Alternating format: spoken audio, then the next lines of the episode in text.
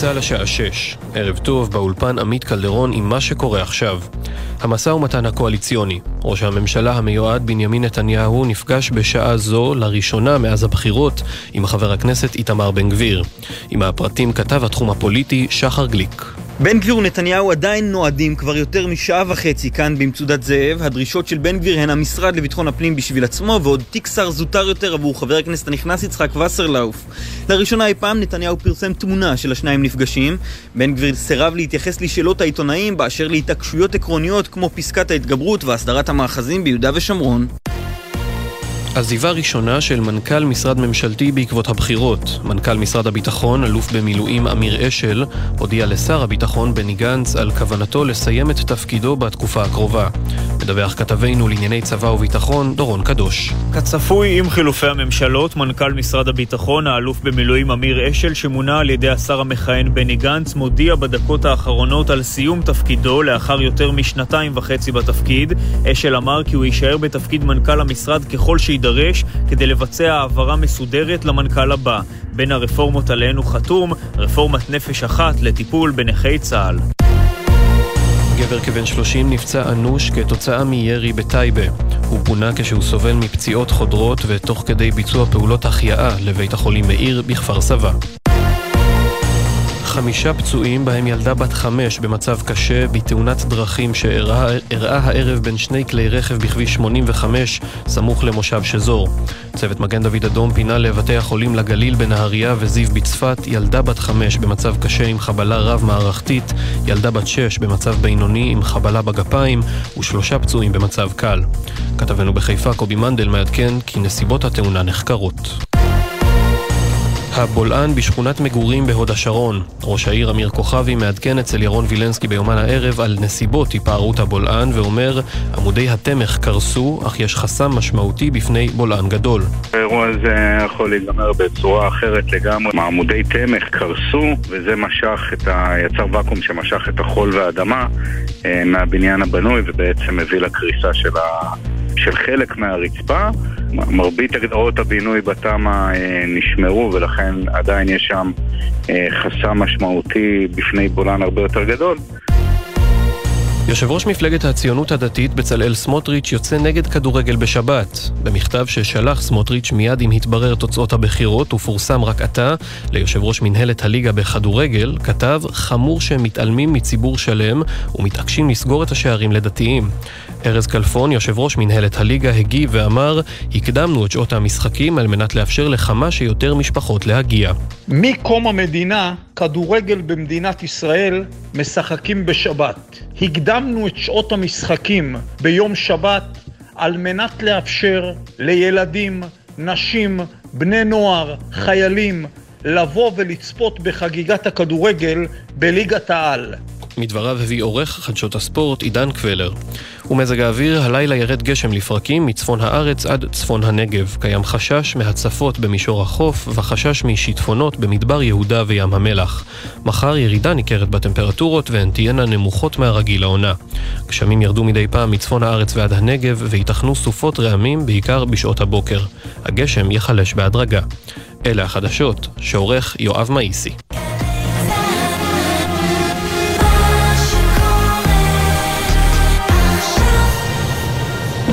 בחסות רשת ביתילי, המציעה לכם לחשוב מחוץ לספה, עם 30 עד 80 אחוזי הנחה, במכירת נובמבר, November sale, באתר ובסניפי ביתילי, כפוף לתקנון. בחסות מחסני חשמל, המציעה מבצעי Black Friday, בכל חודש נובמבר, מבצעי נובמבר, ברשת מחסני חשמל. בחסות אייס אונליין, המציעה לעשות איתכם חצי חצי. 50% הנחה על מגוון פריטים ועוד מבצעים בחודש נובמבר. חפשו באתר אייס. עכשיו בגלי צה"ל, עמית תומר וסמי פרץ עם החיים עצמם.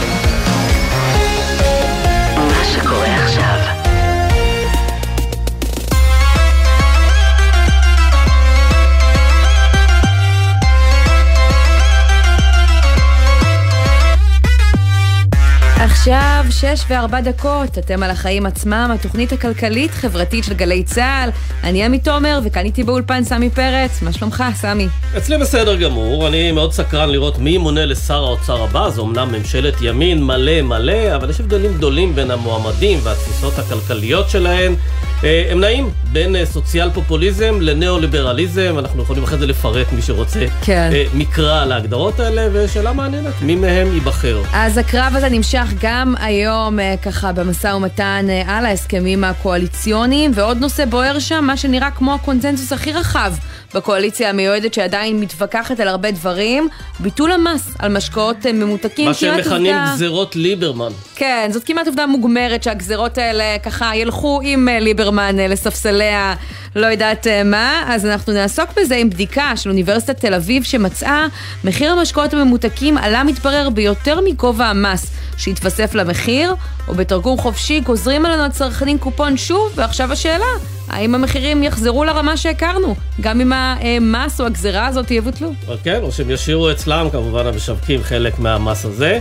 אה, אנחנו נדבר גם על הבולען שנפער היום בהוד השרון, עם דייר שפונה מהבניין, ננסה להבין מה אפשר לעשות במצב הזה ושל מי האחריות לפצות את הדיירים. ספוילר, לא ממש ברור, לצערנו. כן. נמשיך לעסוק גם בגל עליות המחירים שמתרחב היום, אחרי שחברת בית השיטה, שעוד מודיעה דווקא עכשיו, שבכוונתה להעלות את מחירי החמוצים מהחודש הבא, האם יקבלו את זה ברשתות המזון? נהיה עם רשת גוד פארם, שהודיעה היום שהיא מצטרפת למאבק הרשתות. יפה, ואנחנו נסיים עם פינתנו בעל ערך, הפינה האהובה עלינו, עליי ועלייך, כן. חברות שעושות טוב לאנושות. אז הפינה שלנו מגיעה היום לוועידת האקלים של האו"ם בשארם א-שייח. אנחנו מדברים עם החברה הישראלית שמייצרת גז טבעי מפסולת ומציגה בביתן הישראלי בוועידה. אבל זה בסוף, יש לנו הרבה מאוד להספיק עד אז. עמית, מה הכותרת שלך? אז הכותרת שלי שאחרי פיטורי הענק בטוויטר, גם מטא, פייסבוק צפויה לפטר אלפי עובדים, כך מדווח היום הוול סטריט ג'ורנל. בחברה אמנם עדיין לא אישרו את זה רשמית, אבל לפי הפרסום, עובדים כבר ביקשו לבטל נסיעות שלא חיוניות מהשבוע, כשהערכות הן שבחברה עומדים בפני הקיצוץ הרחב ביותר שפייסבוק חוותה מאז היווסדה. זה קורה אחרי שבשנה האחרונה מטה איבדה מעל ל-70% משוויה, זה ככה, זה צנח השווי לשפל של 6 שנים, וכשברקע גם פיטורי 4,000 עובדים בטוויטר, שעל פי הבעלים החדש אילון מאסק מדמם את הפסדים, אני חושבת שמעבר לגורלם של העובדים זה מציף את השאלה איך יראו אחרי ההתייעלות הזאת הרשתות החברתיות? שנים צרכנו אותם בחינם, אבל במקום כסף שילמנו בהרבה הרבה מידע שאספו עלינו, אחרי אה, מגמה של חקיקה בשנים האחרונות שאמורה להגן על המידע של הפרטים והגבילה מאוד את פייסבוק, טוויטר ואחרות, נדמה שכשקצת הפסקנו להיות המוצר, כמו שהגדיר את זה מנכ"ל אה, אפל טים קוק, נידרש אולי לשלם על המוצר. ואז יצטרך לראות האם ההתמכרות של רבים מאיתנו לרשתות החברתיות היום חזקה מספיק כדי שנסכים לפתוח את הכיס ולשלם על השימוש בהן כל חודש. מה דעתך? אז זהו, אז אומרים הרי אם אתה לא משלם אז אתה המוצר, אז זה נשמע שעכשיו אתה גם המוצר וגם משלם, שזה בכלל נראה אה, בעייתי. אה, תשמעי, זה מאוד קשור, אה, זה נפילות לא רק ברשתות החברתיות, נפילות של כל חברות ההייטק נשחטו בעשרות אחוזים, אה, ומבחינה הזו פייסבוק וטוויטר לא שונות משאר החברות. אנחנו יותר רגישים אולי למה שקורה בזה.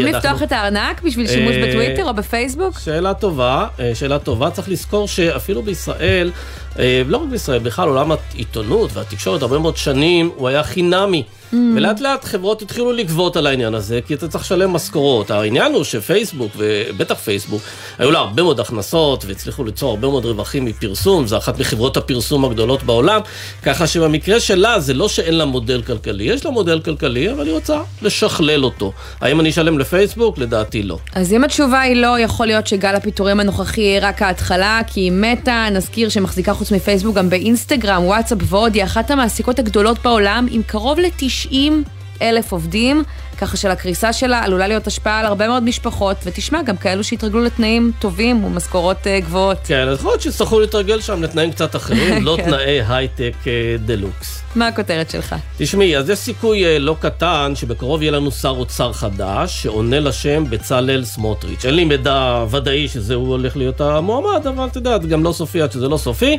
אבל את יודעת, מכל המועמדים נראה שמדובר במועמד קצת שונה. אה, לא רק שהוא מגיע ממגזר הציונות הדתית והמתנחלית, הוא שונה מהם, משום שהוא מציג מצע מאוד אה, ניאו-ליברלי. יש לו תוכניות מרחיקות לכת למגזר הציבורי, מיסוי של בעלי קביעות בעבודה, ביטול של קידום לפי ותק, צמצום של המגזר הציבורי, הגבלת זכות השביתה, אה, וכל רעיון כזה הוא פוטנציאל כמובן לסכסוך עבודה שישבית את המשק. ולכאורה לנתניהו אין בעיה שהשרים שלו קצת יסתבכו ויאבדו פופולריות. בטח אם הם לא במפלגה שלו. בדיוק, ואין כמו תיק האוצר בתקופה של קיצוצים כדי לעשות את זה, אבל מנגד... סכסוכי עבודה ושביתות זה דבר אחרון שנתניהו אה, צריך. יש לו כרגע אופוזיציה שהיא מסוכסכת וחבולה וחלשה, ומבחינתו אין צורך לתת לאופוזיציה סיבות להתאחד ולהתלכד ולקבל איזה זריקת מרץ שתאיר אותם. אה, לכן השאלה היא לא רק אם אה, סמוטריץ' יקבל את התיק, אלא מה בדיוק הוא יכלול, והאם נתניהו ינסה לשמור לעצמו מעמד של שר על לענייני כלכלה. זה עבד בעבר כששרי האוצר היו ממפלגתו שלו. פה זה מפלגה אחרת, מפלגה גם של, אה, אתה יודע, הם נראים בו עם, עם תיאבון באמת אה, כן. מאוד מאוד אה, גדול. שאלה טובה, איך נתניהו יודע לנתח את הסיטואציה הזאת ולבלום את התיאבון הזה. זו בעיה שלו. אז בואי ננסה להפנות את השאלה הזאת למי שעוקב היום אחרי המשא ומתן הקואליציוני, שחר גליק, כתבנו הפוליטי, שלום. שלום לפניכם. אז אפשר לומר שסמוטריץ' עושה היום צעד גדול אל עבר האוצר? כן, חד משמעית אה, הוא באמת מתקדם לשם בהחלט.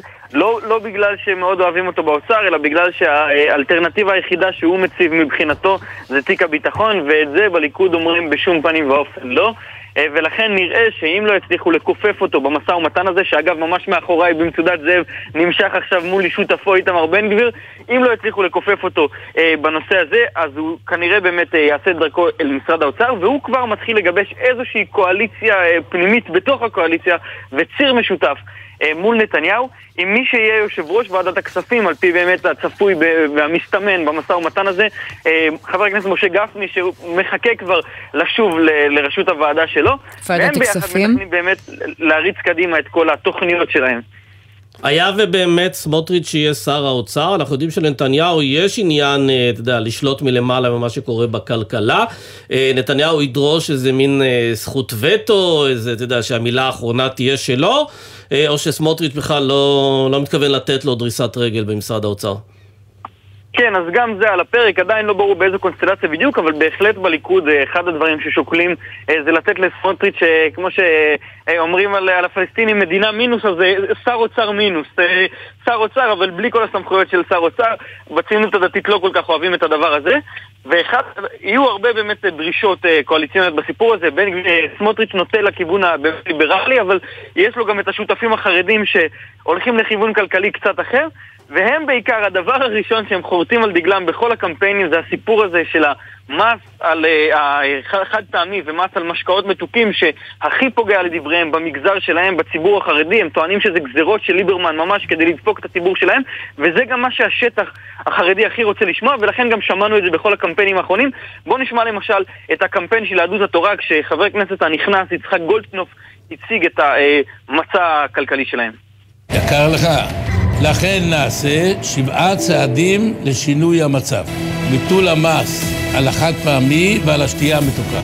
אז שחר, אתה אומר שעל כן. זה רוב השותפים בקואליציה אה, מסכימים. אם ככה, תוך כמה זמן אתה צופה שאנחנו נראה את זה על המדף? כן, אז אה, לא יודע כמה זמן עד שזה ממש יתממש, אבל זה עניין באמת של כמה, כמה חודשים עד שהסיפור הזה לפחות יעבור, זה באמת הדרישה הקואליציונית הראשונה של כולם.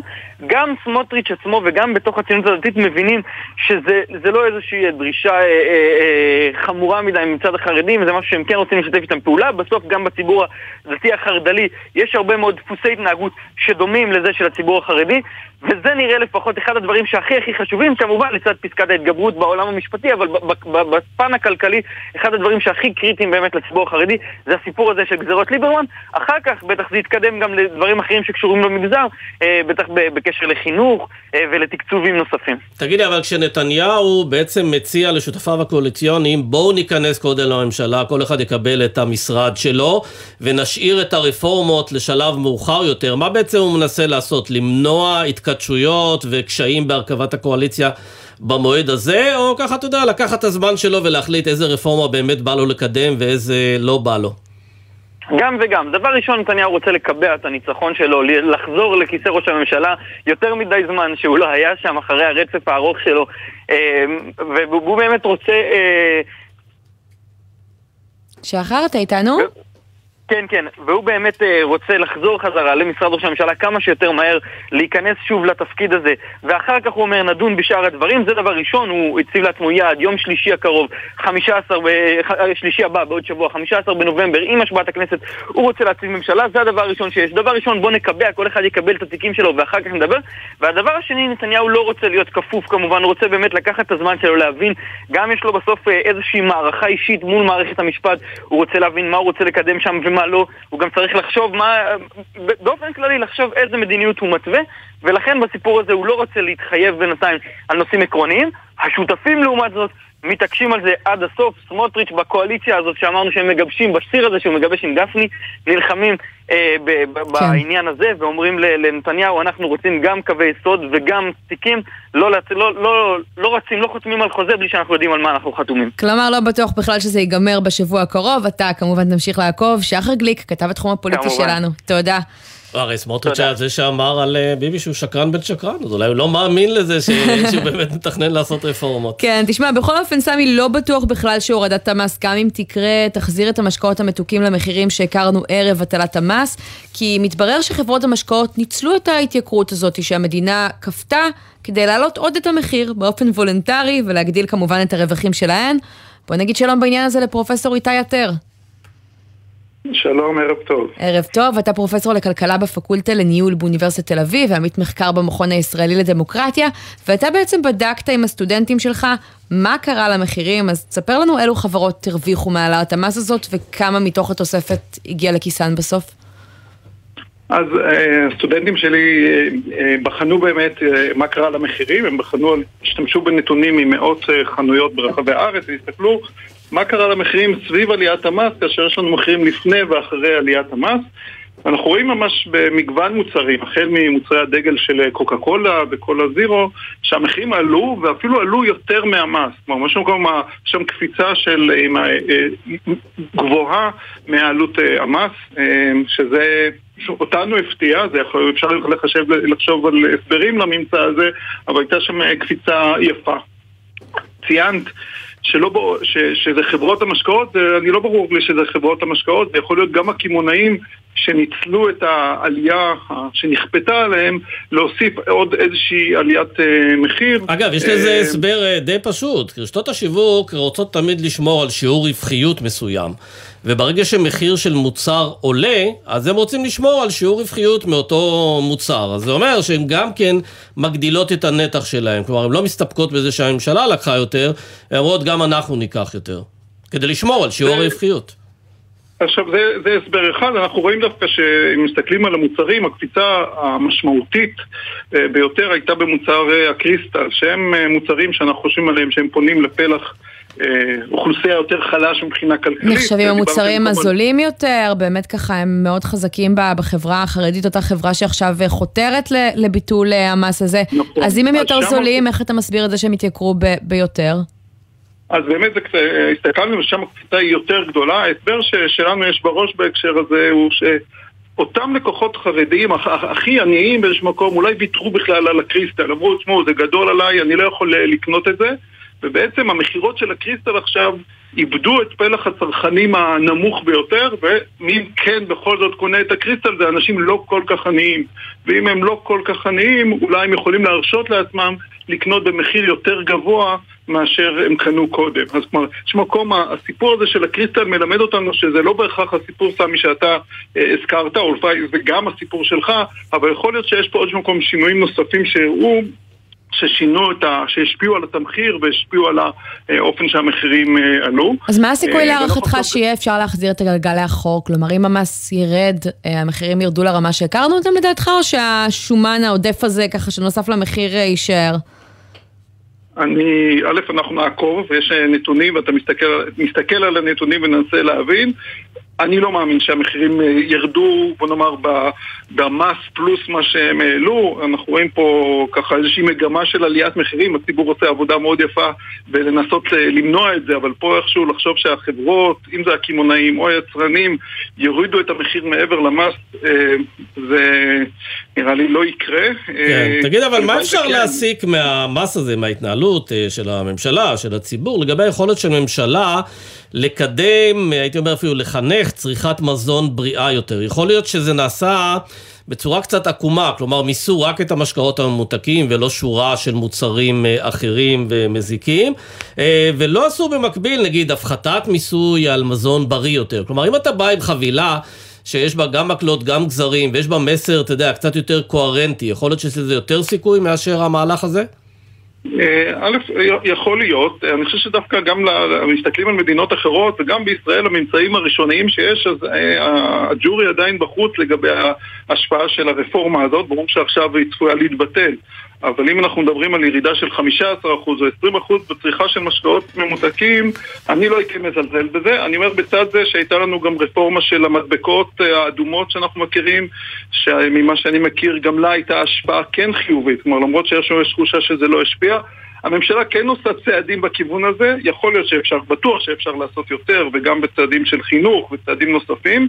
אה, פה אני חושב שהתקופה שבה המס הזה היה בתוקף, בשביל להגיע למסקנות יהיה קשה אה, לראות השפעה של ממש על הצריכה. אגב, יהיה מאוד מעניין לראות אם צרכנים שאולי עברו למים או נמצאו מקוקה קולה או משקיעה ממותקת, גם אחרי ירידת המס, לא יחזרו לשתייה הממותקת, זה יהיה תוצאה מעולה. כן. אה, אבל בוא נראה אם אם זה כי, יקרה. בוא נגיד, אה, לאור זה שצומצם סך הכל, אני חושבת, ב-17% מספר הקניות של השתייה המתוקה, לא, לא בטוח אה, עד כמה אימפקט זה, זה יעשה אגב, ב- גם צריך בטווח הארוך. להזכיר שגם כשהטילו מגבלות על אה, סיגריות, שהיה אסור לעשן פתאום אה, בקולנוע ובטיסות ובאוטובוסים וכולי, לקח זמן עד שראינו ירידה משמעותית ונראית לעין ב- בשיעורי העישון. כלומר, התהליכים האלה של חינוך הציבור הם לוקחים יותר, אה, יותר זמן. אגב, דווקא בעניין של שקיות הפלסטיק, אני חושב שדווקא זה עבד די מהר. כן. יכול להיות, גם בשנים כבר לוקחים עליהם תשלום לעומת הכלים החד פעמיים. כן, העשר אגורות, אבל די מהר הציבור הבין והתחיל ככה לקחת את השקים האלה שמוכרים כן, ברשתות השיווק. ההבדל בין, אפ- בין 0 ל-10 אגורות הוא משמעותי. אגב, סיגריות כמובן זה מוצר ממכר, אז קשה להיגמל מזה באיזשהו מקום. אה, משקאות ממותקים, אני מניח שזה איפשהו באמצע בין אה, סיגריות למוצר שהוא לא ממכר, אז גם שם צריך יותר זמן בשביל שזה יהיה, שיהיה לזה אפקט יום אה, אחד נעשה ממשי דיון עד כמה מתוק זה ממכר, אבל זה בעצם בפעם הבאה. פרופסור איתי עטר, תודה רבה. תודה רבה.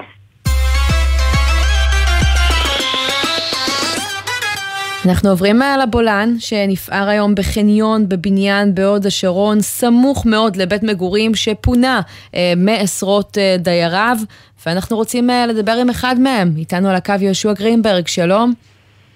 שלום לכם. אתה מתגורר בבניין ואתה בעצם מצאת היום את הבולען שנפער בדירה? אה, נכון, נכון, ספר נכון. לנו. אני באתי, חזרתי מדברים אישיים, ובאתי לשם, והשכנה אחת אומרת לי, ישו הולך לשחק שם בחנייה, יש בור.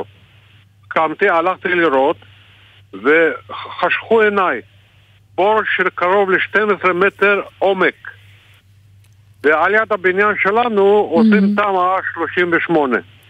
רגע, הבור היה באמצע החנייה, משהו אה, אה, נפל אליו, מכוניות, או שזה ככה יצא בשטח דבר, פתוח? כלום, כלום, כלום, כי ב- עושים את התמ"א 38, עשו חנייה תת-קרקעי, וחופרים וחופרים וחופרים וחפרו, והוציאו שני, שני בטונים שמחזיקים את, ה, את הקיר. כן, אבל הבולען, כן. הבולען נמצא ממש סמוך לפרויקט הבנייה שנמצא לידכם? בדיוק, יש קיר שמפריד בין הבניין שלנו לבניין התמ"א. כלומר, אתם אה, ו- חושדים, חוששים שהייתה איזושהי אולי אה, רשלנות שם שהובילה לדבר הזה בהליך הבנייה. אני יכול להגיד לך באופן, באופן עם לב פתוח שכן. היה שם רשלנות ושם עבדו כמו לא יודע מה, שם הבניין עובד כבר שש שנים ועוד לא גמרו אותו ועכשיו התחילו לחפור את, ה, את, ה, את החנייה והיא התמוטט. ומרגע שגיליתם את הבולען הזה, אז בעצם אה, פניתם לעירייה, ואז אה, פינו לא, אתכם? אז אני ראיתי, אני ראיתי את, את הבולען, ישר צלצלתי למוקד, ו- ומרוב עצבים, ועם פחד, צלצלתי, אמרתי, אני רוצה שראש העיר יבוא מיד לראות את זה. אז הוא אומר, אל תתעצבן, אל תתעצבן, אנחנו נעשה. למזלי הטוב, עבר פקח, פקח, ועצרתי אותו, ואמרתי לו, תשמע, בוא תראה מה הולך שם. הוא בא איתי, ראה את זה, צלם את זה, ושלח את זה לא יודע למי, ואז תוך שנייה כולם הגיעו. כל העירייה הגיעה לשם. כן, תגיד רגע, יהושע, אתה אומר, הייתה לנו, היו לנו חששות עוד קודם לגבי צורת הבנייה של הבנייה השכנה. חששות, אתם התרעתם למישהו? דיברתם עם העירייה?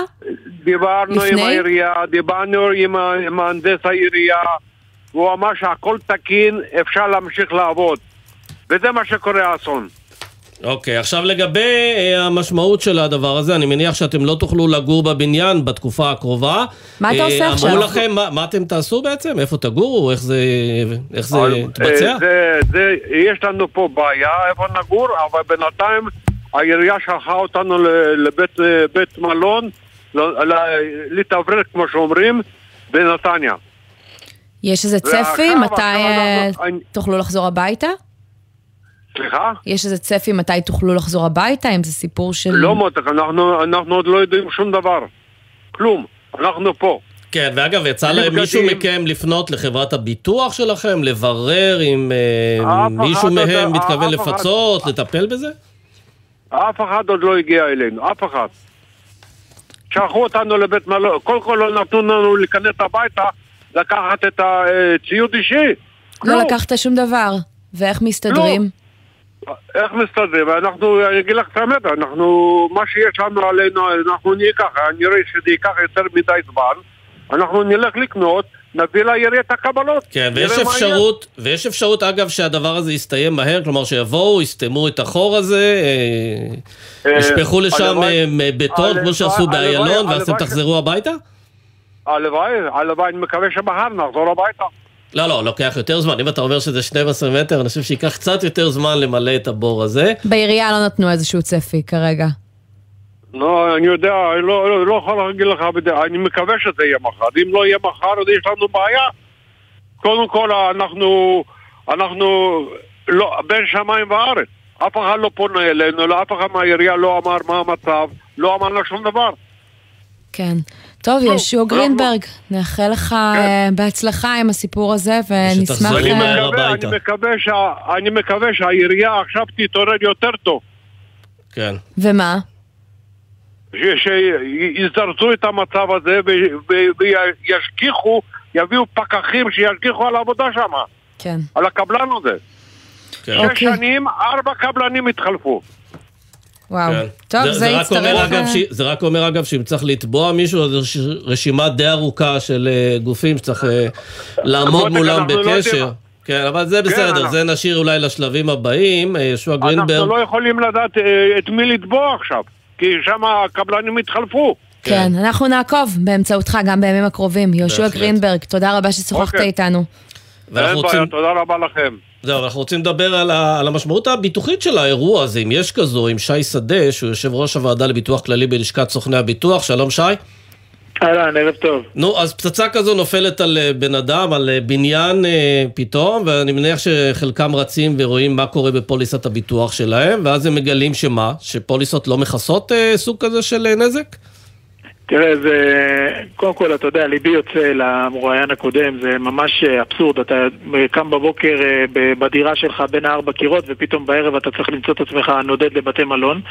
זה בהחלט אה, סיטואציה אה, לא הגיונית, אבל... אה, תראה, במקרה הזה, בסיטואציה שכרגע, לפי מה שאנחנו מקבלים מהעיתונות ושומעים בתקשורת, אז כנראה שהנזק פה נגרם כתוצאה מעבודות הנדסיות במבנה השכן.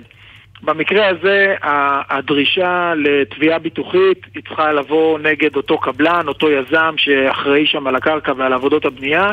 אני מאוד מאוד מקווה בשביל אותם יזמים ואותם קבלנים שהם ערכו ביטוח נכון ומקצועי, כי הביטוח פה זה לא אה, אה, איזשהו מוצר מדף. אגב, הם מתארים מצב שבו התחלפו שם, זה פרויקט שהסתבך כנראה, פרויקט שהתחלפו בו ארבעה קבלנים שונים. מה זה אומר? את מי אתה תובע? את הראשון, את השני, את כולם? תראה, אז, אז, זו שאלה ממש טובה, אני ממש מקווה שיש שם פוליסה אחת שנותנת כיסוי ברציפות מתחילת הפרויקט ועד סופו. אה, לצערנו אנחנו רואים שהרי בסוף כל הפרויקטים האלה שאנחנו רואים לצערנו, אנחנו שומעים עליהם כתוצאה מנזקים ו- וכאלה, וכאלה ואחרים, הפרויקטים האלה בעצם באו במטרה טובה, הם באו כדי תמ"א 38, מה שאנחנו מכירים, באו לחזק את המבנים שהם מה שנקרא מבנים מסוכנים, כדי שאם חלילה מחר תהיה פה רעידת אדמה, אז שהמבנים האלה לא ייפלו. אבל זה העניין, אתה מחזק מבנה אחד ומחליש מבנה שני. בדיוק, אבל לצערנו בישראל כמו בישראל, לדעתי, לצערנו התרבות הזאת של אה, סמוך והסמוך ואחד סומך על השני, ובהיעדר פקחים בצורה מסודרת של משרד אה, הבינוי והשיכון והמשרד אה, לבטיחות וגאות, אין מספיק פקחים שעושים את האכיפה הזאת. לצערנו אנחנו מגיעים למצבים האלה, ראינו את זה באיילון. בוא, חברה מאוד מאוד אה, רצינית, כמו עזריאלי, שבונה אה, את המגדלים הכי גדולים בארץ, mm. גם היא אה, אה, גרמה לבונת... לא, אז ברור שאנחנו בונים כנראה יותר מדי ביחס לתשתיות ולמעט קרקע שיש פה, ודאי כל הפרויקטים האלה, אבל תגיד, למה חברות הביטוח לא פיתחו מוצר שמכסה גם נזק מהסוג הזה? הרי לנו כמבוטחים, זה לא משנה מה גרם לנו לנזק של הבית שלנו, אנחנו צריכים להגן על הרכוש שלנו, למה זה לא קרה? אז קודם כל אתה צודק, ובאמת בעקבות קריסת המבנה בחולון לפני שנה פלוס, אז uh, המפקח על הביטוח, אני מזכיר למאזינים שלכם שפוליסת ביטוח דירה היא פוליסה תקנית, מה שאומר שמי שקובע את התנאים המינימליים זה המפקח על הביטוח. והמפקח על הביטוח יצא ב- לפני כחצי שנה, שמונה חודשים, בעקבות uh, קריסת המבנה בחולון, בדרישה לחברות הביטוח לייצר פוליסה שהיא תכסה קריסה מכל סיבה. בכמה חברות ביטוח זה קרה בינתיים? אז יפה, זה, זה עדיין בגדר טיוטה, זה עדיין לא, אה, אתם יודעים, אנחנו גם במדינת ישראל, גם עניין הרציפות והמשילות והיציבות וה, הפוליטית יש לה השפעה גם לצערנו על המשרדים האלה. כן. זה עדיין לא, לא התגבש לכדי פוליסה. אבל באמת השאיפה היא לייצר פוליסה שתכסה קריסה מכל סיבה. זהו, אנחנו יש... בדקנו את זה רק נגיד עם רשות שוק ההון, ושם אה, אמרו לנו שככה זה עדיין אה, צריך לעבור אישור סופי של הממונה, ולאחר השלמת שלב בחינת היישום, הרשות תפעל לפרסם נוסח סופי לטובת מתן כיסוי מיטבי לציבור המבוטחים בישראל, וזה קורה נגיד יותר משנה אחרי האירוע אה, בחולון, ששם היה מדובר ממש על קריסה של בניין. אבל במקרה הזה, שי, האם זה אומר שהדיירים לא יקבלו פיצוי, או שאם באמת התברר שהייתה רשלנות במבנה השכן, אז יהיה מי שככה יצטרך לתת לזה את לא, הדין. אז בואי... אז ברשותך עמית בואי נעשה רגע סדר. האחריות ככל הנראה כפי שעולה מה, מהתקשורת היא תהיה כנראה של הקבלן ושל היזם של הבניין הסמוך שביצעו את העבודות ההנדסה וכנראה בעקבות עבודות ההנדסה גרמו לנזקים שם תהיה, אה, תהיה תקום לדיירים אה, עילת תביעה כנגדם על כל הנזקים שנגרמו להם. אני מאוד מאוד מאוד מקווה שזה ייגמר בזה שהם יזרימו בטון ויסתמו את הבולען הזה והחיים ימשיכו ולא נגיע חלילה למצב שצריך לפנות לבניין כי הוא, המהנדס יקבע שהוא מסוכן וצריך להוריד אותו. כבר ראינו דברים כאלה מעולם, זה לא, זה לא פעם ראשונה כן, שזה קרה. שי, תגיד לי, היה ובאמת תהיה פוליסה לעניין הזה, אני תוהה, נגיד שליד הבית שלי יש פרויקט תמ"א וליד הבית של עמית אין פרויקט תמ"א, זה אומר שאני צריך לשלם... אה, יותר עבור הפוליסה שלי, נכון? למרות שאני לא עושה שום דבר, זה רק הדיירים שלי, השכנים שלי עושים. נכון. אתה צודק מאה אחוז, ולכן התגובה של רשות שוק ההון, אגב, היא תגובה מבורכת, אבל לצערנו, מי שייפגע כתוצאה מזה שתהיה פוליסה עם קריסה מכל סיבה, תקשיב טוב מה אני אומר, מי שייפגע מזה זה דווקא אותם מבנים ואוכלוסיות בחתך סוציו-אקונומי נמוך, שבעצם חברות הביטוח יתחילו לעשות חיתום מאוד מאוד נוקשה לגבי ביטוח הדירה שלהם. ואז בעצם באנו לברך ויצאנו מקללים, כי בעצם אותם אנשים שהכי צריכים את הביטוח דירה הזה, לא יצליחו לרכוש אותו, כי בעצם הסיכון שלהם הוא סיכון מאוד מאוד מאוד גבוה. מצד שני, אם זה קורה רק באזורים שיש בהם תמ"א, זה אומר שזה בעיקר באזורי הביקוש, באזורי המרכז, דווקא לא בפריפריה. אה, ופה אולי, אתה יודע, איזה, לא יודע אם זה צחוק הגורל. למה? אני מזכיר לך שהבניין הבניין בחולון לא קרס בגלל תמ"א, הוא קרס בגלל התיישנות כן, החומר. זה נכון, זה נכון. אה, תראה, בוא, תחשוב על עיירות הפיתוח בדרום, אופקים, שדרות, נתיבות. יש שם מבנים שבנו אותם במדינה בשנות החמישים, בעליות הגדולות. המבנים האלה מאוד מאוד ישנים, אף אחד לא נותן את הדעת על זה שצריך לחזק אותם ולתמוך בהם ולתת עליהם איזושהי אה, חוות דעת הנדסית. כן. שהם בכלל אה, יכולים אה, להמשיך לגור בהם. כן, והנה לצערנו אנחנו רואים שהמקרים האלה קורים שוב אה, ושוב, ואין ספק שגם אה, במישור הביטוחי וגם במישור הבטיחותי אה, צריך לעשות קצת יותר. שי שדה, תודה רבה ששוחחת איתנו. תודה לכם, ערב טוב. ביטוח בולענים עכשיו. כן. לפני המקרה הבא, מה שנקרא. בדיוק. כמה תשדירים ואנחנו תכף חוזרים.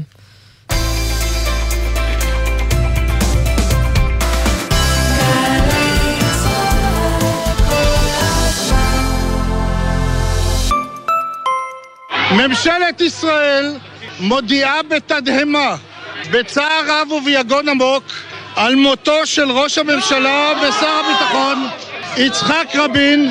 לציון יום השנה לרצח ראש הממשלה יצחק רבין, המוזיאון הישראלי במרכז רבין פותח את שעריו לקהל הרחב חינם מ-2 בנובמבר עד 10 בנובמבר, מ-3 עד 7 בערב, להזמנות כוכבית 4585. אתה שומע, קובי? לא סיפרתי לך, אבל האמת, יש לי חדשות ממש מסעירות. נו, מה העירית? את אה, עוזבת הכל והולכת להדריך סדנאות ויפאסנה? לא, קובי, לא ויפאסנה. אה, את, את כותבת ספר על בסיסט בלהקה צבאית שמתאהב בלוחמת מעברים. וואו, רעיון נהדר, אבל לא. נו, אז מה עוד? עוד גל"צ. עוד גל"צ? כן, זירת התוכן החדשה ביישומון גל"צ. יש בה המון תוכניות של גל"צ מכל השנים, וגם אנחנו שם כמובן. גלי צה"ל גאה להציג עוד גל"צ, זירת התוכן האיכותית בישראל. חפשו את לשונית עוד גל"צ בעמוד הראשי של יישומון גל"צ גלגלצ ותוכלו ליהנות מקשת התכנים המלאה של שידורי גל"צ. חדשות, תרבות, מוסיקה, היסטוריה, תוכניות ארכיון, הופעות חיות, הסכתים ותכנים בלעדיים. היכנסו עכשיו לעוד גל"צ ביישומון גל"צ גלגלצ. רמי קליינשטיין, צעיר לנצח. שתישאר צעיר לנצח. רמי קליינשטיין מגיע לפסטיבל הפסנתר וחוגג 60 במופע המסמל את מסעו המוזיקלי. אורחים שלומי שבן, שירי מימון ושלישיית מנגו. רביעי, תשע בערב, היכל התרבות תל אביב, ובקרוב בגלי צה"ל. עכשיו בגלי צה"ל, עמית תומר וסמי פרץ עם החיים עצמם. חזרנו ועכשיו אנחנו לגל ההתייקרויות, אנחנו לא מרגישים אותו עדיין על המדפים בדמות עליות מחירים, אולי בדמות uh, קצת חוסרים, דיברנו על זה אתמול, בגלל התנגדות רשתות המזון לשתף פעולה עם העלות המחירים, אבל זה לא מונע מהיצרנים ומהיבואנים להמשיך uh, לנסות, ולרשימה כבר די ארוכה של החברות שביקשו להעלות את המחירים, מצטרפת היום גם uh, בית השיטה. עינב קרנר, כתבתנו ענייני צרכנות, איתנו בעניין הזה, שלום. היי, אה, עמית וסמי, כן, אז תראו, ככל שהצרכנים זועקים אה, חזק יותר, ככה עוד חברות במשק אה, מחליטות להעלות מחירים, והיום אנחנו מדווחים על בית השיטה שמודיעה שבעקבות עליות, גל עליות המחירים הבלתי פוסק, אז היא בעצם, מדברת כאן על חומרי אריזה, כל מיני חומרי גלם ואנרגיה, והיא אומרת שהיא תעלה את המחירים מ-1 בדצמבר, אנחנו מדברים על אה, שישה אה, מוצרים של החברה, ביניהם אה, אה, זיתים, אה, מלפפונים, במלח, אה, בחומץ, ואנחנו מדברים על עלייה של עד אה, עשרה אחוזים, בשיעור עשרה אחוזים, אה, אה, כך לפי ההודעה שהיא מוציאה לקמעונאים. כאמור, עוד עלייה ב-1 בדצמבר, ואנחנו רק נגיד ככה בהקשר הזה, זה מצטרף באמת לגל עליות המחירים במשק של יוניליבר, דיפלומט, סאנו. קימברלי קלארק, ונראה שהרשימה הזאת הולכת אה, ומתארכת, והיום בנוסף גם לשופרסל שהצהירה שהיא לא תאשר את העלאות המחירים של יוניליבר אה, וגם מעינות ביטן שהצטרפה אתמול, אז גם רמי לוי מוציא היום אה, הודעה, מה שנקרא פומבית, שלראשונה מאז כל גל העליות הזה הוא אומר את זה באופן מפורש, שייתכנו חוסרים והם לא יסכימו בכל מקרה אגב, בנסיבות האלה, עינב, אפשר לשער שיש יצרנים שגם הם רוצים להעלות מחירים, אבל הם קצת ככה יושבים על הגדר, רוצים לראות איך יסתיים המאבק הזה בין הרשתות ובין אה, אותם אה, יצרנים שהודיעו על העלאות מחירים? אני חושבת שדווקא בית השיטה זה דוגמה קלאסית לעוד יצרן לא, לא גדול במיוחד שרוכב על הגל.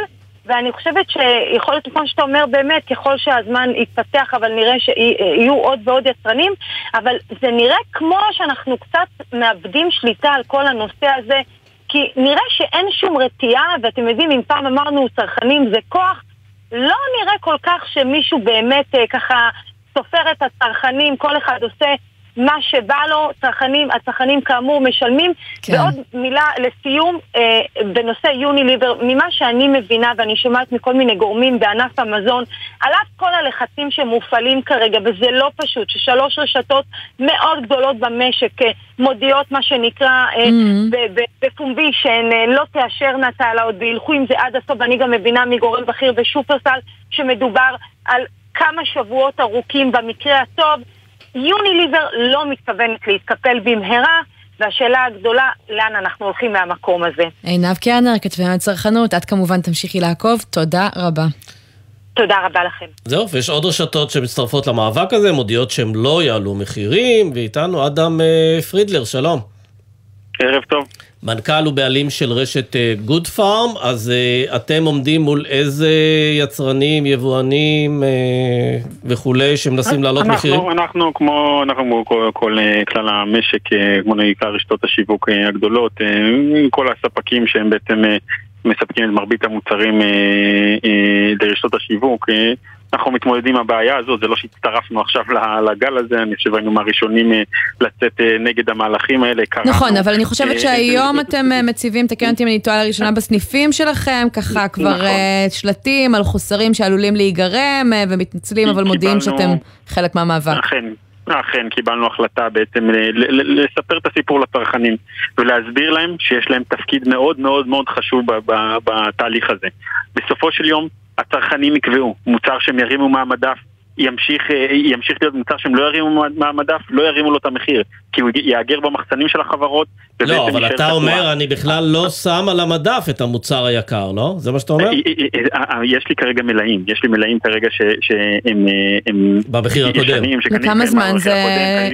צפוי להספיק אני מניח שיש לך? לי סדר גודל שלושה שבועות פלוס מינוס, זה- זה זה תלוי בהרבה דברים, אבל סדר גודל שלושה שבועות, שעוד אני אצליח זה, כי קראנו את העלייה הזאת כבר מזמן. תגיד לי, בכל משהו המוצרים האלה ספטמבר. שיש עכשיו העלאות מחירים, יש אה, תמיד חלופות, או שיש כאלה מוצרים שאין להם חלופה? מאוד נדיר שאין חלופה בכלל, יש כאלה אבל זה מאוד נדיר. אה, בגדול כמעט לכל מוצר יש חלופה, אם במותג פרטי או אם במותג אחר אלטרנטיבי שהוא לא של היצרנים הגדולים ויותר סבלני כרגע ובאמת אה, איכשהו לא, לא קפץ על גל עליות המחירים ועד הזה. כמה אני- אנחנו הצרכנים מכורים למותג מסוים וקשה לנו לוותר עליו? קשה, קשה להסביר כמה, זה, זה, זה הצרכן הישראלי מאוד אוהב מותגים, מאוד קשה להתפשר על מותגים, רוצה רק מותגים, ואני חושב שבאיזשהו אופן, אה, אתם יודעים, זה מין מערכת שמזינה את עצמה, ובגלל זה אני חושב שהתעוררנו פה ואמרנו לצרכנים, תהיו איתנו, אנחנו הולכים פה ביחד, יד ביד למהלך גדול, אנחנו צריכים אתכם איתנו, ואם אם יהיה חוסר, או גם אם אין חוסר, ת, תגלו סבלנות, תחפשו מוצר שהוא לאו דווקא מהמותגים המובילים, תנסו אותו, הרבה פעמים זה מגיע מאותו מפעל, זה אותו מוצר, פשוט במחיר יותר נמוך. כן. בואו איתנו למ- לתהליך הזה ואנחנו נעשה אותו ביחד. תגיד, אדם, אה, אתם מצליחים לעשות איפה ואיפה, כלומר, להסתכל על ההתייקרויות ולהבין איפה באמת יש צורך אמיתי בהעלאת מחיר בגלל התייקרות חומרי גלם, ואת זה אולי אפשר לאשר, ואיפה זו רכיבה על הגל? בהחלט, אנחנו עושים היום סחר ברמה בדידה, תראי, בשוטף, ברשת כמו שלנו, שאנחנו מחזיק- מחזיקים עשרות אלפי מוצרים, אנחנו לא עובדים ממש פריט פריט, אנחנו עובדים על קטגוריות ודברים כאלה. עכשיו אנחנו ירדנו באופן בדיד למוצר מוצר, להבין האם יש פה הצדקה אמיתית, ואם יש, אנחנו מגלים קצת אז יותר בכמה סובלנות. מוצרים גילית הצדקה אמיתית, בערך? ב- בגדול, אם אני אעשה חתך גדול, בק- בקטגוריית הנייר יש באמת בעיה יותר, יותר גדולה, כי באמת מדובר על חומרי גלם שהתייקרו כבר לאורך חודשים ארוכים, על, על היום שערי מטבע ש, שקפצו, אף אחד לא מדבר על זה, אבל תבינו שסחורה שנקנית או בדולר או ביורו... אבל ברמה של העלאת מחיר של עד 25 אחוזים בשיעורים כאלה? אז, אז, אז, אז, אז מצוין, אז בשביל זה אנחנו פה, ואנחנו לא, אנחנו לא מאשרים 25%, גם אם, אם נאשר בקטגוריות שאנחנו רואים בהן, אה, אנחנו יושבים ועושים איזה ניתוח מדויק, ואנחנו לא ניתן 25%, לא בא בחשבון, אני אומר לך, חד וחלק לא יהיה. אה, אה, גם כן, אנחנו עושים את החישובים ורואים מה, מה עושה שכל, ומה שעושה שכל אנחנו... נאשר, ומה שלא אין ולא יהיה, אנחנו לא ניתן יד להעלאה הלא פרופורציונלית הזאת. אנחנו אדם, לא מי להערכתך ישווה ראשון? המשווקים, היצרנים או הצרכנים? התשובה- היא לא תהיה גורפת, ואני אסביר. תראו, חברות שהן בינלאומיות, ובסוף יש פה איזו זרוע ישראלית יהיה להם הרבה יותר אורך רוח, ולא בטוח שהם יישאברו כל כך מהר. כי בסוף מדינת ישראל, עם כל זה שאנחנו מתייחסים לעצמנו כל כך ברצינות, אבל בסוף אנחנו מדובר פה על תשעה מיליון אנשים. ומצד שני אנחנו רואים שגם את היצרנים זה לא מרתיע. הנה, בית השיטה עכשיו, תוך כדי שאתם במאבק, מודיעים על התייקרות עוד חודש, אז אולי הם לא ממש אה, ככה סופרים את הניסיון הזה וחושבים שזה ייפתר תוך כמה ימים. אז בוא נראה, אז בוא נראה, אז בוא נראה אם זה יאושר, ובוא נראה אם יחשבו שזה יעבור כל כך בקלות. אנחנו נחושים אי פעם לעשות את הדבר הזה, ובסוף, כמו, ש, כמו שאני אומר לכם, יש גם חברות ישראליות, ספקים ישראלים, שאני בטוח שלהם יהיה אורח אוויר יותר נמוך מהחברות הגלובליות, mm-hmm. וגם הם בסוף חברות שמעסיקות הרבה מאוד עובדים, ואם באמת המכירות שלהם ייפגעו, אני מקווה מאוד שיתעוררו ויגידו, אוקיי, נדחה את העלאת מחירים הזאת ב- ל- ליום אחר, הזדמנות אחרת, ונראה כבר איך נתמודד עם זה. אני, אני אומר לך שמהצד שלנו אנחנו נחושים מאי פעם לא לשתף עם זה פעולה, אנחנו נעשה כל שביכולתנו, ואנחנו מבקשים את עזרת הצרכנים שיהיו בצד שלנו. טוב, מעניין מאוד אה, לראות איך זה ייגמר ותוך כמה זמן. בינתיים אדם פרידלר, מנכ"ל ובעלים של רשת גוד פארם, תודה רבה. תודה רבה לכם. את יודעת שאני גיליתי שהרבה מאוד אנשים, אה, את יודעת מה, אני אהיה קצת יותר מגדרי. הרבה מאוד נשים פוחדות לקחת את הרכב לטסט, כי תמיד יש להם איזו הרגשה שמישהו עובד עליהם, שיתעלקו עליהם, שהם לא ידעו מה לעשות אם יגידו להם, גברת, אין לך פה פנס, אין לך פה... סמי, אני יודעת שבתור פמיניסטית אתה מצפה עכשיו שאני אסתור אותך ואתווכח איתך, אבל יש לי וידוי מעולם לא לקחתי את הרכב שלי לטסט בעצמי. כן, אגב, זה לא שעל גברים אי אפשר לעבוד כשהולכים לעשות את הטסט הזה, אבל באמת בישראל מסתבר שיש נתונים שמראים שהרבה פעמים, אה, את יודעת, שולחים אותנו אחרי טסט לבוא ולעשות כל מיני מקצה שיפורים. אה, הסיכויים לעבור אה, טסט בישראל מאוד נמוכים. אנחנו רוצים לדבר על העניין הזה עם דניאל שמיל, כתב הרכב של דה מרקר. שלום, דניאל. שלום, סמי ועמית. אתה בעצם ששת החששות שלי ושל אולי נשים נוספות, גם גברים, מללכת לטסט. אני צריך להגיד שגם גברים, אני בעצמי, שאני כתב רכב, לא לקחתי את המכונית לטסט שנים, המוסכניק שלי עושה את זה, וזה מבטיח אחוזי העברה הרבה יותר גבוהים.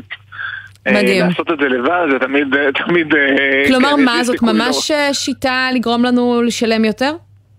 ממש, תדמייני למשל שבבית ספר היית מקבלת ציון במבחן ואם היית uh, משלמת למורה על שיעור פרטי אז השיעור, הציון היה עולה ב-20 נקודות. זה ממש מה שקורה ברשת uh, מכוני, מכוני הרישוי בישראל. את מגיעה למכון צריך להגיד 60% מהמכוניות עוברות, כן, בלי שום דבר, אבל 40% עוברות ורוב ה... לא עוברות ורוב התקלות שם אלה דברים ממש קטנים, אה, לוחית רישוי או משהו בנורה ו...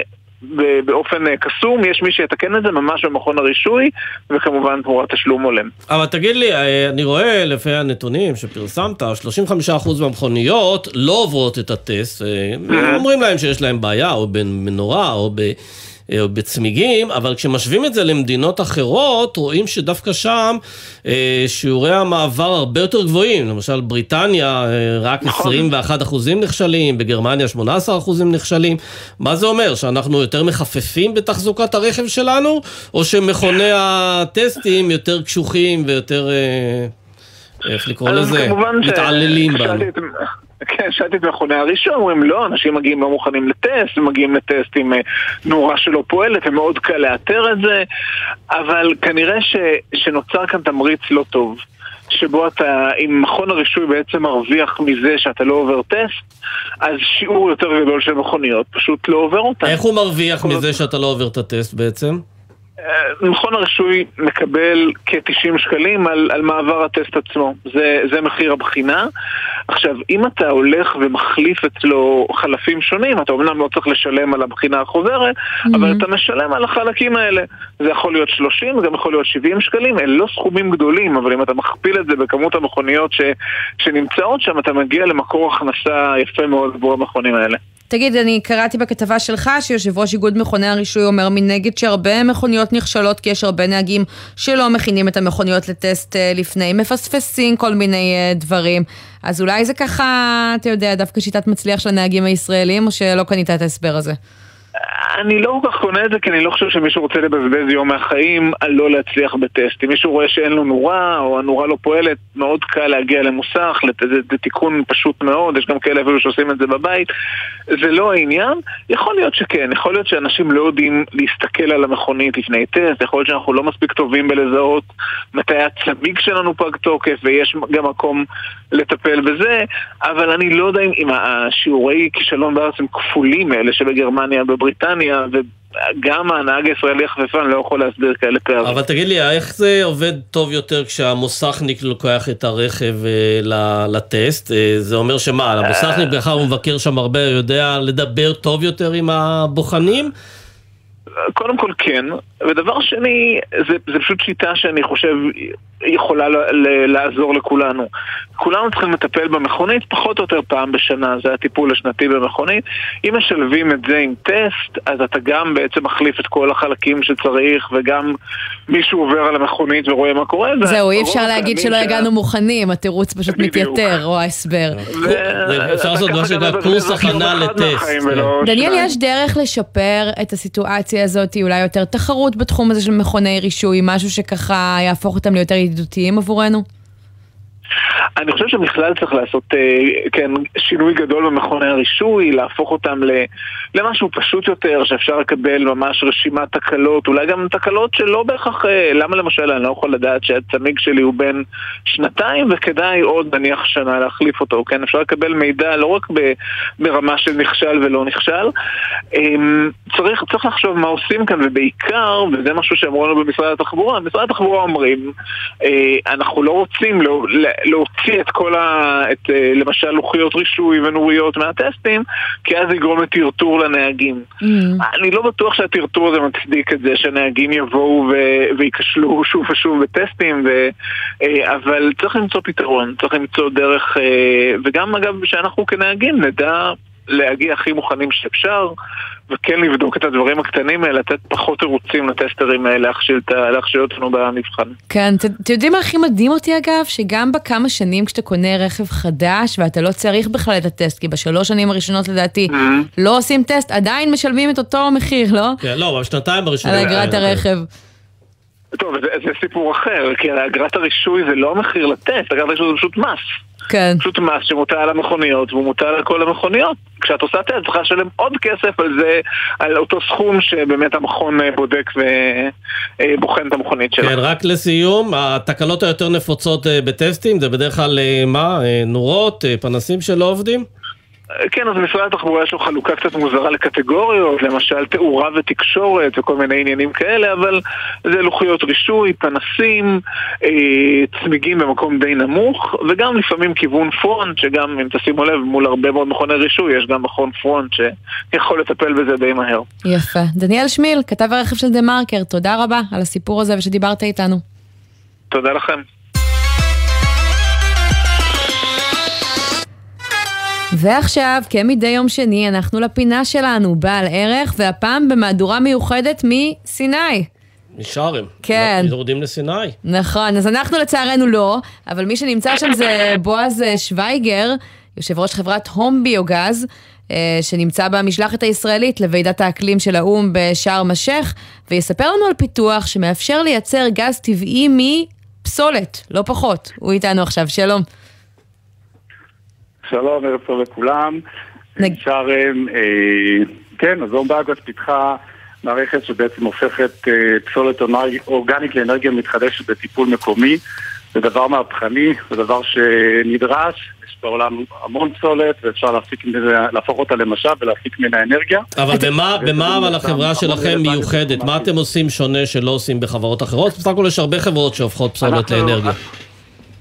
אני יודע לשנות מציאות של משפחה בשעתיים. יש הרבה, הטכנולוגיה הזאת ב scaling גדולים כבר קיימת הרבה שנים.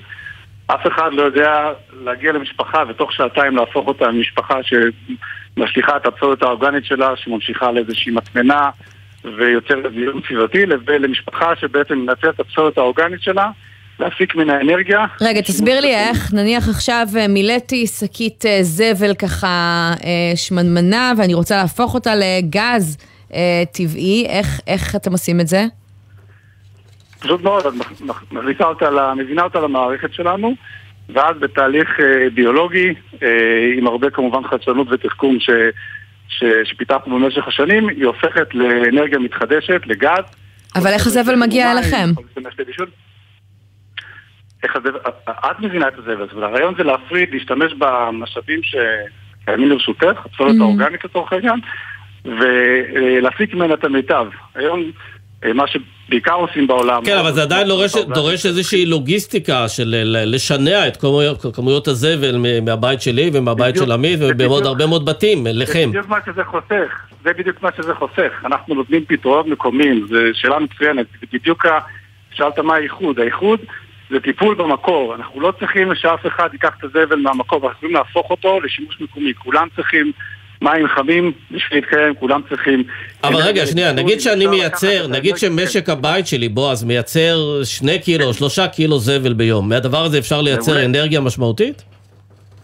בוודאי, זה מייצר לך אה, יופי של מים למקלחת, מייצר לך יופי של אה, בישול, אם אתה רוצה לעשות לך בישול כיף בחוץ, ואתה חוסך עלויות אנרגיה, ואתה חוסך את כל העלויות ההובלה המיותרות האלה, שעולות המון כסף ברמה מדינתית. אז אתה אומר בלי הובלה, אז איך? זה מכשיר שכל אחד מתקין אצלו בבית? בדיוק, אנחנו בישראל גם מספקים אה, שירותי התקנה, אז אתה לא צריכים להקים, כמו שאמרתי, תוך שעתיים את כבר מצטרפת למשפחת הום ביוגז. ו... כמה עולה התענוג הזה? כמה אלפי שקלים, שכמובן מחזירים את עצמם, לסביבה זה מחזיר את זה מהיום הראשון שאתה משתמש במערכת, ולך למשך הזמן והחיסכון בגז, וציינתי וכדאי להוסיף גם לייצר אה, דשן שיכול אה, להשתמש בו לטובת הצמחים. אז רגע, אז כבר מכרתם אה, יחידות? כמה יחידות מכרתם עד היום? מכרנו בעולם למעלה מ-20 אלף מערכות במעל 100 מדינות.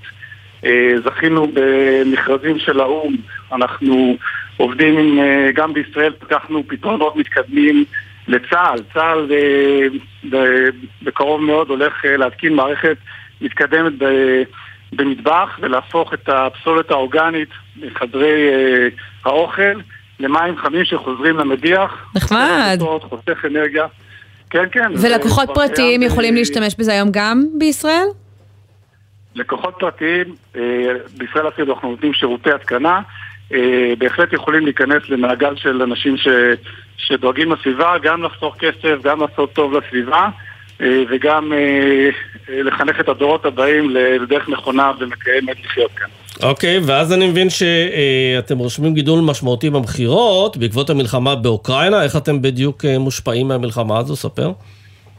כן, בהחלט, בהחלט רואים אה, הרבה עניין, עניין מאוד גובר ב- מאירופה, אנשים רוצים להיות אה, אה, בעצם עצמאיים, למצוא לעצמם מקורות אנרגיה שלא תלויים באף אחד, וזה בדיוק האני מאמין שלנו. אנחנו יכולים, אנחנו חברה של, של אנשים שעושים, אנחנו יכולים אה, אה, לעשות בעצמנו את האנרגיה שאנחנו צריכים, אין היגיון לקחת פסולת, להשליך אותה, אם יש בה אנרגיה שאני יכול להשתמש בה לטובתי, ובהחלט רואים עלייה מאוד אה, גדולה בביקושים מאירופה, אנחנו רואים את זה, אנחנו, אחד מערוצי המכירה שלנו זה ערוץ אונליין, שאנשים יכולים להזמין את המערכת ולהתקין אותה לבד. כן, תספר לנו ככה, רק אה, לסיום, מה מה המטרה אה, בוועידה? אתם משתתפים בה? על איזה שיתופי פעולה אתם מצפים לקדם? או מה?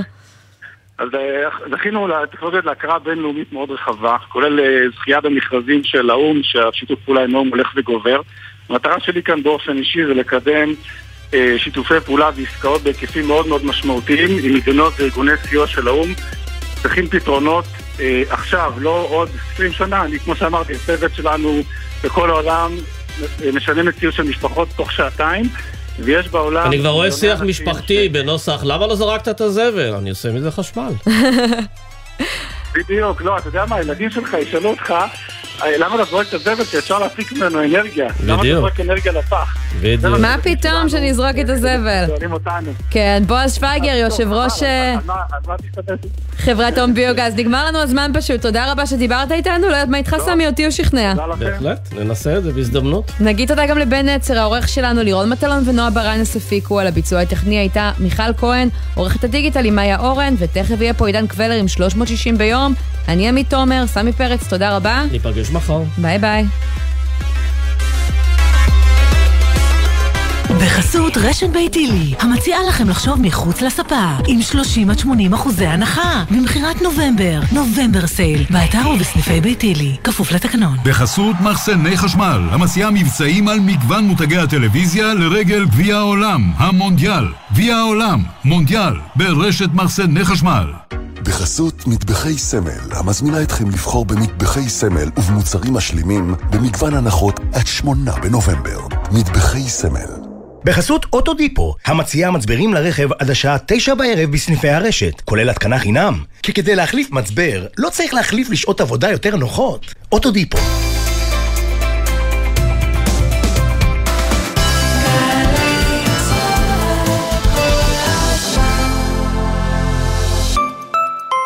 הזמינו אתכם לוועדה רפואית בביטוח הלאומי? כדי שתבואו מוכנים לוועדות, אתם צריכים להרגיש בידיים טובות. אנו מזמינים אתכם לבוא למרכזי יד מכוונת ולקבל ייעוץ והכנה לוועדות הרפואיות מרופאים מומחים, וכן סיוע בהכנת התיק הרפואי חינם בלא תשלום. לקביעת פגישה התקשרו כוכבית 2496. יד מכוונת, למצות זכויות בלי עלויות. מרכז יד מכוונת, מייסודו של המוסד לביטוח לאומי. בני 65 ומעלה ואוכלוסיות בסיכון, שימו לב, החורף הזה צפויה תחלואה מעורבת של שפעת וקורונה. מחלות אלו מסוכנות בעבורכם ועלולות להביא לאשפוז ולסכן חיים. אל תחכו. גשו לקופת החולים שלכם לקבל חיסון נגד קורונה המותאם לווריאנט האומיקרון וחיסון נגד השפעת העונתית. שימו לב, בכמה מהמרפאות אפשר לקבל את שני החיסונים בביקור אחד, בני 65 ומעלה ואוכלוסיות בסיכון. קבעו תור לחיסון בקופת החולים עוד היום. לא מחכים לגל, מתחסנים ושומרים על הבריאות. מגיש משרד הבריאות. מיד אחרי החדשות, עידן קבלר.